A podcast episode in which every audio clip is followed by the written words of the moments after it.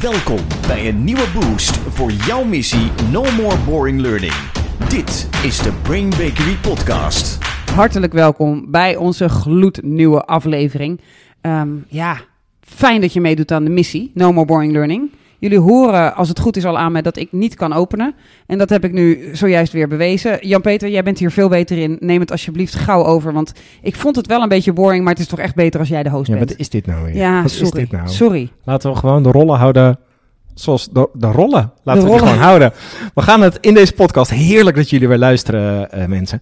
We zaten ons enorm op te winden. Ja. Ja, Ik, ik was echt over de rode, ik zat tegen het plafond. ja want ik, ik was al halverwege mijn zin. We gaan het in deze podcast hebben over iets dat met rollen te maken Ja. heeft. Namelijk over een term die wij niet gebruiken, Nee. maar te veel trainers die nog een beetje in de jaren 70, 80 leven wel. Het rollenspel. Ja, Ja. het kan niet meer mensen. En dat hebben we al vaker gezegd. Ja. Maar we willen nu even kijken naar. Niet zozeer, je moet dus altijd professionele acteurs inzetten. Dat hebben we denk ik al Moet vaak genoeg gezegd. ja. En dat moet ook. Maar ook als je dan een oefensituatie creëert of een simulatie... of zelfs als je het woord rollenspel er nog voor wilt gebruiken...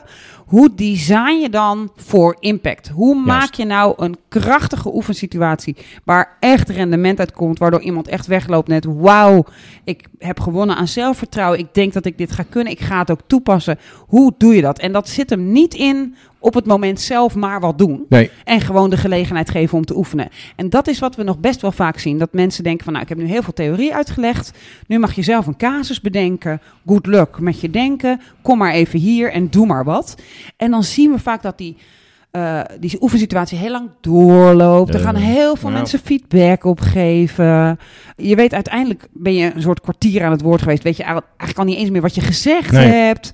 Die trainer gaat er nog een keer overheen. Iedereen in de groep mag een tip in het opgeven. En het, het wordt gewoon een soort natte scheet. En je zegt het niet als deelnemer tegen je trainer. Maar eigenlijk denk je, ik haat jou met echt heel veel haat. Want ik heb dit wel gedaan, maar wat heb ik hier nou eigenlijk aan? Maar oké, ik heb het overleefd. Laat maar verder. Zit je hoog, hè? Zo, Ja. sorry. Ja, het is weer zover. Ja, dus eh, waar dit inderdaad vooral over gaat, is niet zozeer over hoe je technisch het rollenspel doet. Van daar hebben we eerdere podcast eh, over gemaakt. Als je daar meer over wilt weten, luister vooral podcast 4. En als je meer wilt weten over hoe geef ik in het algemeen feedback, luister dan eh, vooral podcast 42. Ja, en je zei vier, maar het is volgens mij 14, veertien. ja, 14. Ja, kan ach, nou eentje. Johan Cruijff-getal, Ja, kom on. precies.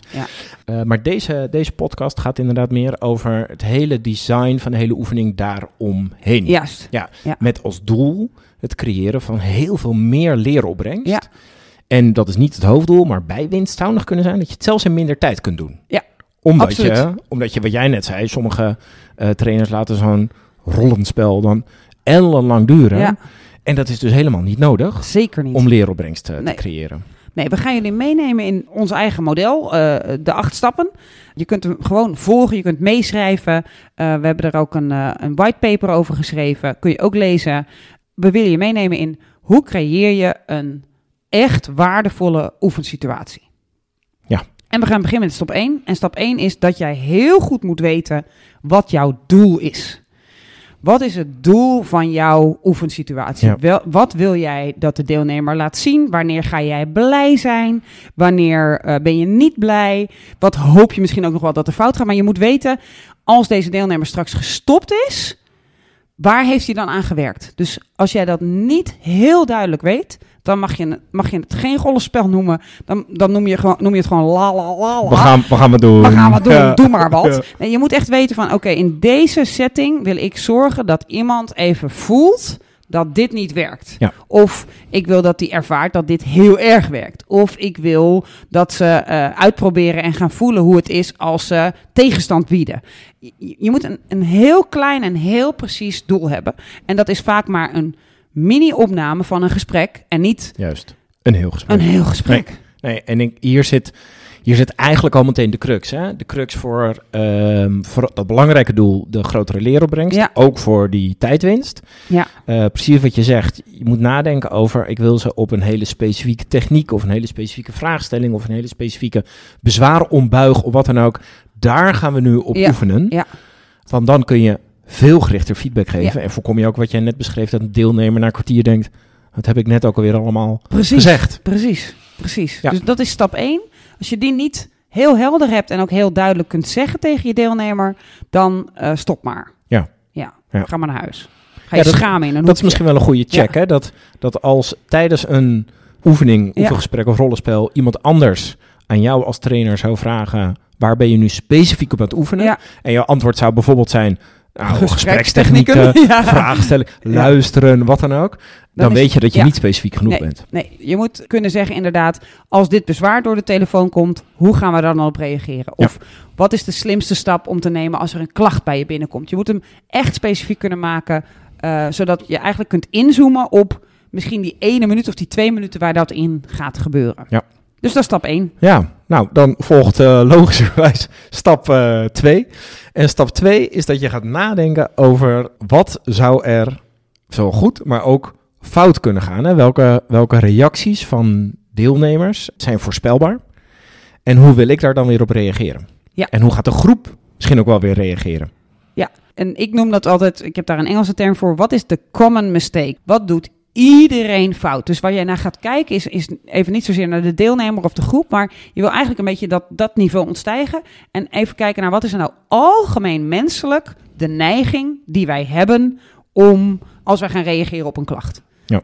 Dus de algemeen menselijke ne- neiging als iemand, bijvoorbeeld stel je voor ik ben een callcenter medewerker en iemand belt en die zegt ik heb een klacht, dan is mijn neiging om mij te verdedigen. Ja. En daar hebben we verschillende technieken voor. We hebben de techniek dat ik tegen jou ga zeggen hoe jij mij die klacht moet eh, brengen. Hè, van eh, even rustig doen. Eh, maar we hebben ook dat ik defensief word van, nou dat kan ik me niet voorstellen. Dus dat ik ga ontkennen. Dus je kunt volgens mij bij alle, als je heel specifiek weet waar wil ik op oefenen, kun je echt heel goed in kaart brengen. Dit zijn de drie algemeen menselijke dingen die mensen gaan doen hierin. Die moet je dus in kaart brengen van tevoren voordat je gaat oefenen. Ja. Wat is er waarschijnlijk dat er gaat gebeuren? Kan een deelnemer je dan vervolgens nog verrassen door iets anders te doen? Ja, dat kan. Maar je wilt voor jezelf heel duidelijk hebben. Ik vermoed dat het een van deze 1, 2 of 3 of 4 wordt die de meeste mensen zullen kiezen. Als je dat lijstje niet hebt, ga dan maar niet trainen. Nee, ehm eigenlijk een praktische vraag vanuit mij, maar voor onze luisteraars. Ga je die dingen die je hebt bedacht van tevoren als trainer, ga je die met de groep delen? Jullie gaan waarschijnlijk het zo deze- aanpakken of niet? Dat ligt eraan wat je, je hele goeie, dat, dat ligt eraan wat je doel is. Want je kunt natuurlijk heel goed van tevoren in je stuk theorie of zo, wat ervoor zit, zeggen van nou, mensen, als er een klacht binnenkomt, is het algemeen menselijk dat we een van deze Ja. drie gaan doen. Je kunt ook zeggen ehm, eh, dat je mensen gaat laten experimenteren met gedrag en dat je daardoor heel duidelijk gaat maken welke keuze mensen worden en maken. En dat je daar de theorie uithaalt. Dus dat je dan zegt van nou, wat je net Jan zag doen, Jan, briljant gedaan, want dat is wat we algemeen menselijk vaak doen. Defensief reageren. En dat zag er bij jou op deze manier uit. Wie herkent dat? Oké, Rashid heeft het ook. Oké, wat goed. Laten we hem nog eens even kijken. We gaan even door. Eh, kom even naar voren, Rashid. Doe jij hem ook nog een keer. En dan gaan we even kijken welke impact je hiermee maakt op die acteur. Ja. Want waarschijnlijk, durf ik alvast te voorspellen, wordt het geen positieve impact. Maar je moet ze wel weten, zodat je weet waar je naar op zoek bent. Ja. Je, wil, je moet weten van wat denk ik dat ik ga zien en hoe ga ik daarop reageren. In plaats van ik ga wel iets zien en Ja. dan verzin ik maar iets. En als ik niks weet, geef ik eerst de groep de beurt. Ja, Houd en eens je, je kunt hier dus ook meteen veel gerichtere feedback geven. Want je Ja. kunt zeggen, ja, dit, dit doen we allemaal. Ja. Dus dat is normaal. Hè? Ja. Eh, je bent een goed gezelschap. Precies. Ehm, eh, alleen laten we eens even kijken wat het effect inderdaad is. Ja. Nou, vooral als je een acteur hebt, kun je dat ook mooi, eh, mooi voorbereiden. Laat je het ervaren zien. en dan laat je het zien. En dan kun je zelfs aan de deelnemer vragen: vergroot het nog eens even iets uit wat je eigenlijk zou willen zeggen. En kijk dan eens welk effect dat, dat heeft. En dan kun je ook zeggen: nou, om nou te voorkomen dat je in die valkuil stapt, wil ik je deze aanraden. Dat Ja, pas een volgende stap. zo. Ja. Maar, maar je hebt dus dat, dat voorstuk nodig, want je gaat niet zomaar aanraden zonder te labelen. Nee. Waarom is het zo logisch dat je dit verkeerd deed? Want dat is eigenlijk de boodschap die je wilt geven in zo'n rollenspel. Niet, jij bent fout, jij bent raar. Nee. Je wilt eigenlijk zeggen, ja, dit doen wij dus als mensen. Dit is gewoon onze Ja. neiging. Ja. En, en helaas heb jij een baan gekozen waar je regelmatig met klachten moet omgaan. Dus ga je de hele tijd deze menselijke neiging tonen. Ja. Maar ik heb iets beters voor je. Let's go. Maar dat is pas de volgende stap. Dat is een volgende stap. Je, gaat, eh, je gaat eh, lekker hard. We gaan naar eh, stap 3. Ja. Die volgt dan op stap 2. Ja. Dat is dan wel logisch. In stap 3 ga je natuurlijk de oefening starten. Dat ten eerste. Dus je bent bezig met de oefening. Maar zodra je merkt dat de deelnemer bijvoorbeeld in die valkuil trapt, Ja. die je van tevoren hebt bedacht, stop je de oefening meteen. Ja, Dat geldt overigens ook voor als hij het fantastisch doet. ja, Maar we gaan er nu heel even vanuit dat de eerste keer dat hij het nog niet goed doet, ja. je stopt er meteen. Dus je gaat de deelnemer niet maar Zes door laten minuten. praten. Nee, nee, nee. Dus dat betekent dat, Dat wat je vaak ziet, hè, als, als, je, als je dit verkeerd ingezet ziet, is dat de trainer een soort gaat zitten. En ook een soort eerst, de eerste anderhalve minuut nog een beetje soort aan het bijkomen is van... goh, ik heb net theorie uitgelegd. Nou, ik zie hier nu een kabbelend rollenspel. En dan na vijf minuten zo van... nou, eens op zijn klokje kijken. Oh, hij loopt al vijf minuten, laat ik hem nu stoppen zetten. Nee, er is een aanleiding van iets wat er gebeurt in, dat, in, dat, in die oefensituatie... waardoor jij zegt, time-out. Ja.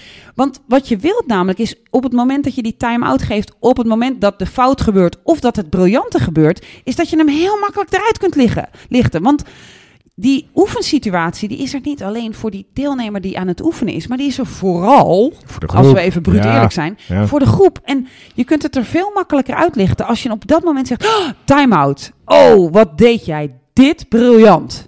Zagen jullie wat er gebeurde? Want de acteur deed dit. Wat is de algemeen menselijke neiging? Nou, dat is om dat te doen. En in plaats daarvan deed Nora dit. Wauw. Zagen jullie het effect ervan? Je kunt direct, je legt er een vergrootglas op en je maakt het heel inzichtelijk. Want volgens mij is dat onze taak: inzichtelijk maken hoe dat gedrag op elkaar inspeelt. En daarmee aannemelijk maken dat het slim is om je gedrag te veranderen. Dus die stopzetting, die. Ja, je moet je eigenlijk een soort ik probeer hier ter plekke een metafoor te bedenken. Maar mhm. stel je voor dat je een, een, een, Ik kom even op judo. Mhm. Stel je voor dat je met judo. Uh, dan, dan hebben ze een ippon of een bepaald punt. Hè? En dat is soms lastig om te zien. Dus die juryleden die staan om die, om die judo en de partijen heen. En die doen gelijk arm omhoog als ze iets zien. Dus er zit spanning in je lichaam als je als trainer kijkt naar een oefening. Want je wilt precies het moment zien wanneer jij hem stopzet. En misschien laat je hem dan nog 10 seconden doorlopen. Maar je, je, je bent geconcentreerd. Je bent niet. Nou, de acteur doen lekker. Ja, de acteur is even bezig. Ik heb even pauze. Ik zit stiekem in mijn hoofd even te fantaseren over de Netflix-aflevering die ik vanavond ga zitten. Dus het is, je weet wat je wilt zien. Je weet wat je vermoedt dat je gaat zien. Je weet hoe je op ieder van die dingen wilt gaan reageren. Dus je zit echt klaar. Oh, ik zag hem. Let's go. Bam. Ja. Na het stopzetten van stap 3 is het voordat je inderdaad de uh, feedback gegeven. We willen namelijk ook gewoon de deelnemers het fijn vinden en zich veilig voelen in de training. Ja. Laten we de, trainer, uh, de deelnemer eventjes uitblazen. Ja. Even iets roepen, even iets doen, even zeggen zo, dat was pittig of oh, dat ging lekker. Ja. Maar even de mogelijkheid om aan de deelnemer te geven die dit, ondanks alle maatregelen, toch nog steeds spannend vindt, om even bij te komen. Ja, ja. en dat soms zit ik er zo bovenop dat ik dat pas in tweede instantie doe. Mm want waarom we dat uitblazen hier uh, zetten als, als, als vierde stap, is vooral om niet de deelnemer te gaan vragen: Nou, hoe vond je dat je het deed? En dat zie ik nog veel te veel. Want als een deelnemer in een oefensituatie gebracht is door jou, die heel spannend is, er kijken ook nog allemaal eh, anderen mee. En je gaat vervolgens, als die klaar is, of als jij stop hebt gezegd, hoe vond je het zelf gaan? Dan ben je gewoon een vals wicht. dan ben nooit je doen, nooit doen. vals en, en verschrikkelijk. Waarom? Want ik weet wel dat veel mensen het doen. Veel trainers doen dit. Want die denken, je kunt op jezelf reflecteren en zelfreflectie is krachtig. Alleen omdat iemand eigenlijk bijna in een vecht-vlucht uh, situatie is gekomen, omdat het echt spannend is, is dat op dit moment nu met kijkers op me, wetend dat zij van alles van mij vinden, van mij te vragen, hoe ik vond dat ik het deed, dat vergt, dat kun je denk ik doen als, als mensen meesterschap ergens in bereikt hebben. En bij wijze van spreken, ze zijn aan het schaken, ze zijn schaakmeester en ze hebben een tweede zet of een derde zet. Je zegt time-out. Wat doe jij nu verkeerd? Ik denk dat een schaakmeester dan zo ervaren is, die kan dat dan ter plekke zeggen. Omdat hij als het ware een cameraatje op zijn hoofd heeft. En heel erg gewend is aan die situatie met, met pottenkijkers op zijn vingers. Alle andere mensen kunnen nu geen zinnig woord zeggen. Dus je mag niet vragen wat, wat denk je, hoe denk jij dat het ging? Want ze gaan ook sowieso een sociaal wenselijk antwoord geven. Er komt geen waarheid uit, er zit geen leeropbrengst in. Het is een valse vraag. Dus de enige vraag die je even stelt is de uitblaasvraag. Hoe is het? Leef je nog? Hoe is het? Ja. En soms doe je die. Ik, ik doe dus zelfs na afloop van... Zagen jullie wat Nora briljant deed? Maar even naar Nora. Hoe is het met jou? Ja. Maar vraag niet om een diepe, grondige zelfanalyse. Want het is vals en het mag niet. Dit was één van de redenen waarom jij je zo over aan het opwinden was. Ja. ja. Ik sloeg ook een beetje in het rood, zag ik op het wijzer. Eh, ik vraag even aan Rolien, onze editor, om dit een klein beetje bij te stellen. We gaan naar stap 5. Uh, ja. Die heb je net uh, bij, de, bij die stap 3 al een beetje benoemd. Dat is wees heel specifiek. Ja. Dat hebben we net bij In je stap... feedback dus. Ja, precies. ja. Dat hebben we net bij stap 2 elke dag wees specifiek. Of bij stap 1 wees specifiek in wat je wilt oefenen. Hier is het wees specifiek in je feedback. Ja. En dat doe je door eh, het gedrag van de deelnemer, dat wat de deelnemer zegt, één op één te koppelen aan het effect. In dit geval bijvoorbeeld op het gedrag van de acteur. Ja, dus waar je hier gebruik van maakt zijn observaties. En dit kun je alleen, wil ik even weer terugverwijzen, als je stap 2 hebt gedaan. Ja. Namelijk als je bedacht hebt, wat vermoed ik dat ze gaan doen en hoe wil ik ze daarop coachen. En als je dat al in kleine brokjes hebt opgedeeld, dan kun je vervolgens, terwijl je zit te kijken, het gedrag heel ha- handig herkennen. Dus op tijd stopzetten. En dan kun je ook die specifieke feedback geven. En dan kun je dus echt zeggen, ik zag dit aan je gezicht. Je zei dat, dat zei je met deze intonatie. En toen zag ik dat gebeuren bij de acteur. En dat is volgens mij niet het effect wat jij wilde hebben. En volgens mij bedoelde jij het ook op deze manier. Maar ik vraag even aan de acteur, hoe voelde deze voor jou? Oké, dat had jij waarschijnlijk niet door, want anders had je hem niet gezegd. Ja. Nee, klopt. Dus laten we nu eens proberen, specifiek, zeg eens deze. Of zeg hem eens op deze manier. Of stel eens deze vraag. Dus je bent hier bij- bij- bijna aan het voordoen. En je bent het filmpje terug aan het spoelen. En echt aan het zeggen: Jij Ja. deed dit, ik zag dat. Dus je gebruikt eigenlijk alleen je ogen en je oor om te zeggen: Wat gebeurde hier?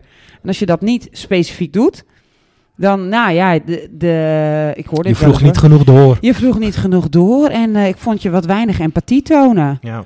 wat je wilt doen is dat die groep ziet, wanneer toont iemand dan empathie? Hoe ziet dat er dan uit? Wat zegt iemand dan? Dus je bent eigenlijk een soort voor de hele groep met een, eh, een, een vergrootglas aan het leggen op dit is wat hier nu gebeurde. Ja. Want anders krijgen ze geen toegang tot wat ze willen leren. Want dan lopen ze weg. Ja, empathie tonen is heel belangrijk. Lekker. Top. Ga ik voortaan meer? Wat ga je voortaan meer doen? Echt veel meer. Echt Ja. veel meer empathie tonen. Dus em- empathie is ook heel belangrijk. Houd toch op, joh.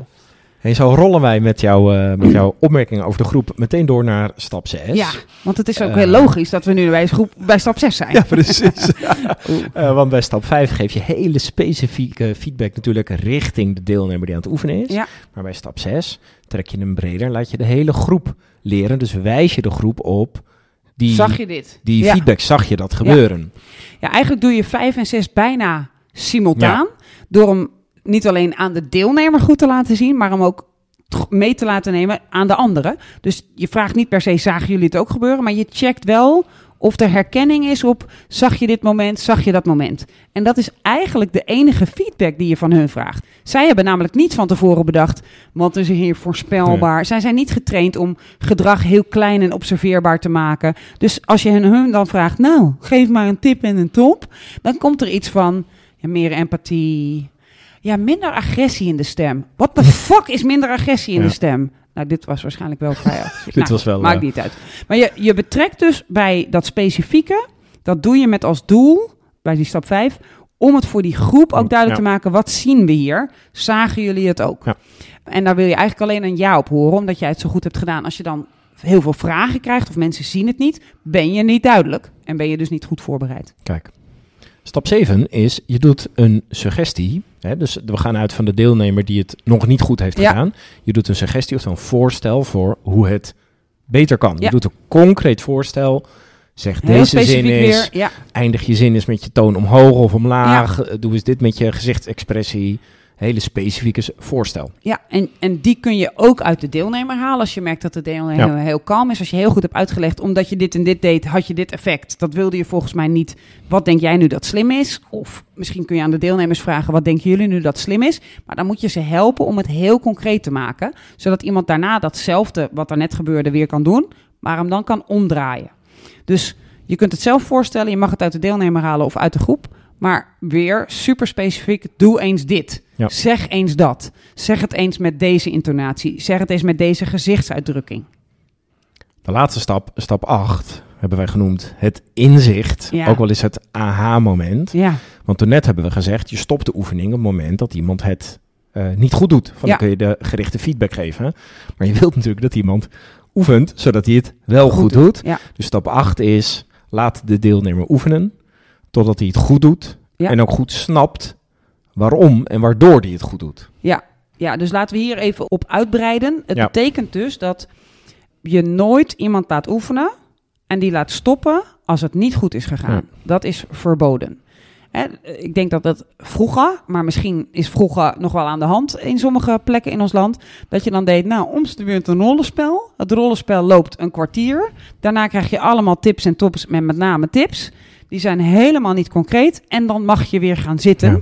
En mag je ook nog zeggen, wat ik hiermee ga doen is dit.